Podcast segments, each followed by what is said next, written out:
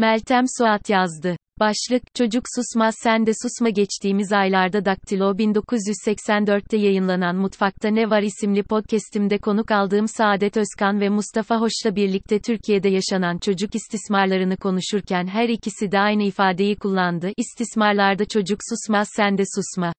Ancak Türkiye'de bir kesimin 6 yaşındaki çocuk gelin skandalından sonra içine girdiği suskunluk sarmalı tam tersini gösteriyor. Bir gün gazetesinden Timur Soykan'ın müthiş gazeteciliğiyle ortaya çıkardığı skandalın detaylarını hepimiz takip ediyoruz o yüzden detaya girmeyeceğim. Soykan'ın ortaya çıkardığı bu rezalet 2016 yılında ortaya çıkan Ensar Vakfı'nda 45 çocuğun istismar edilmesi skandalından bu yana Türkiye'de hiçbir şeyin değişmediğini bize bir kez daha gösterdi. İşin trajik boyutu ise o dönemki Aile ve Sosyal Politikalar Bakanı Sema Ramazanoğlu'nun vakfı, buna bir kere rastlanmış olması hizmetleriyle ön plana çıkmış bir kurumumuzu karalamak için gerekçe olamaz. Biz Ensar Vakfı'nı da tanıyoruz, hizmetlerini de takdir ediyoruz, diyerek savunmasının ardından bugün yaşanan olayda da mevcut görevdeki Aile Bakanı Derya Yanık'ın yaptığı açıklamada, çocuk istismarı, çocuğa yönelik istismar vakaları siyasetin konusu değildir. Bunlar son derece insani ve her toplumda karşılaşılabilecek konular.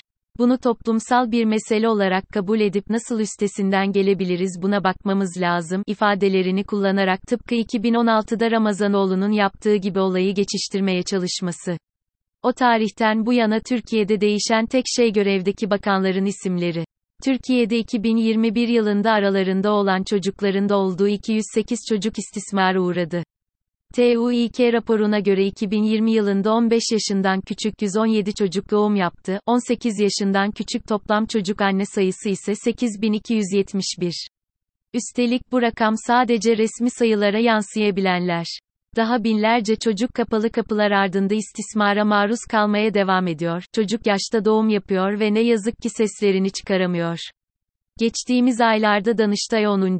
Daire Başkanlığı'nın İstanbul Sözleşmesi'nden çekilme kararının iptali hakkında açılan davayı reddetme kararını değerlendirmek üzere sevgili arkadaşım avukat Selin Nakıpoğlu'nu yayınıma konuk etmiştim. Selin yayında bana İstanbul Sözleşmesi'nin ardından Lanzorete çocuk istismarı ile mücadele sözleşmesinin de iptal edilmek istenildiğini söyledi. Nitekim Selin'in bu açıklamasından günler sonra Saadet Partisi Konya Milletvekili Abdülkadir Karaduman, iktidara gelirsek İstanbul Sözleşmesi nasıl kaldırıldıysa İstanbul Sözleşmesi'ne bağlı bütün uygulamaları da Allah'ın izniyle kaldırmış olacağız. Kadını ve aileyi koruyacak düzenlemeleri hayata geçireceğiz açıklamasıyla Lanzorete ve CEDAW gibi uygulama ve sözleşmelerinde tehlike altında olduğunu göstermiş oldu. Nedir bu Lanzorete? Selin'in yayında Lanzorete'ye dikkat çekmesinin ardından sözleşmeyi ve gerçekten iptal edilme ihtimali olup olmadığını araştırmaya başladım. Tam adı, çocukların cinsel sömürü ve cinsel istismara karşı korunmasına ilişkin Avrupa Konseyi Sözleşmesi olan ve ismini imzalandığı Lanzorete şehrinden alan sözleşmeyi Türkiye 2011 yılında imzaladı. Lanzorete özellikle Timur Soykan'ın ortaya çıkardığı çocuk evliliğine kesin kes karşı çıkıyor. Sözleşmeye göre çocuğun aile içi de dahil olmak üzere, tanınmış bir güven, otorite veya nüfuzun suistimal edilmesi, çocuğun, zihinsel veya fiziksel bir engeli veya bağımlı durumda olması nedeniyle, özellikle zayıf durumunun suistimal edilmesi. Sözleşmede yer alan madde 3, A gereğince imzacı devletlerin 18 yaşından küçük tüm bireyleri cinsel istismar ve cinsel suistimale karşı koruması gerekiyor. Bu iki madde 6 yaşındaki çocuk gelin rezaletinde de görüldüğü üzere, şeri, hükümleri kullanarak çocuk evliliğini savunan ve bunu meşrulaştıran tarikat ve cemaatleri rahatsız ediyor. Türkiye'de son dönemde basına ve kamuya yansıyan istismar olaylarında sık sık isimleri yer alan bu çevreler sözleşmeden çekilmemiz durumunda bu olayların kamuya yansımayacağını düşünüyor. Geçtiğimiz haftalarda pazar politik için yazdığım madde 41 değiştirilebilir mi yazısında son dönemde gündeme gelen LGBTİQA artı tartışmaları ile birlikte anayasanın 41. maddesinin içeriğinin neden değiştirilmek istendiğini anlatmıştım. Bu yazıda eşitlik için kadın platformu eşik in iddiasına yer vererek platformun yasa değişikliğiyle ailenin tanımını yapan anayasanın 41 maddesinin değiştirilerek medeni kanunun zımnen ilga edilmesinin önünü açabileceğini ve böylelikle madde metninde evlilik yerine birliktelik ifadesine yer verildiği takdirde, kadınların medeni yasanın evlilik ve ilgili maddelerinin güvence altına aldığı haklarını kaybetmesinin yani anayasa yoluyla medeni yasanın etrafından dolaşılmasının hatta yasanın zımnen ilga edilmesinin önü açılmış olacağı, resmi nikahın zorunlu olmaktan çıkması, evlilik cinsel ilişki yaşının bazı tarikatların istediği gibi 12 12 hatta 9 yaşa indirilmesi, medeni yasanın değil dini kuralların uygulanması, yani çok hukukluluğun mümkün hale gelmesinin önünü açabileceğini açıkladığını belirtmiştim. Timur Soykan'ın ortaya çıkardığı haberle birlikte platformun bu iddiasında haksız olmadığını gördüm.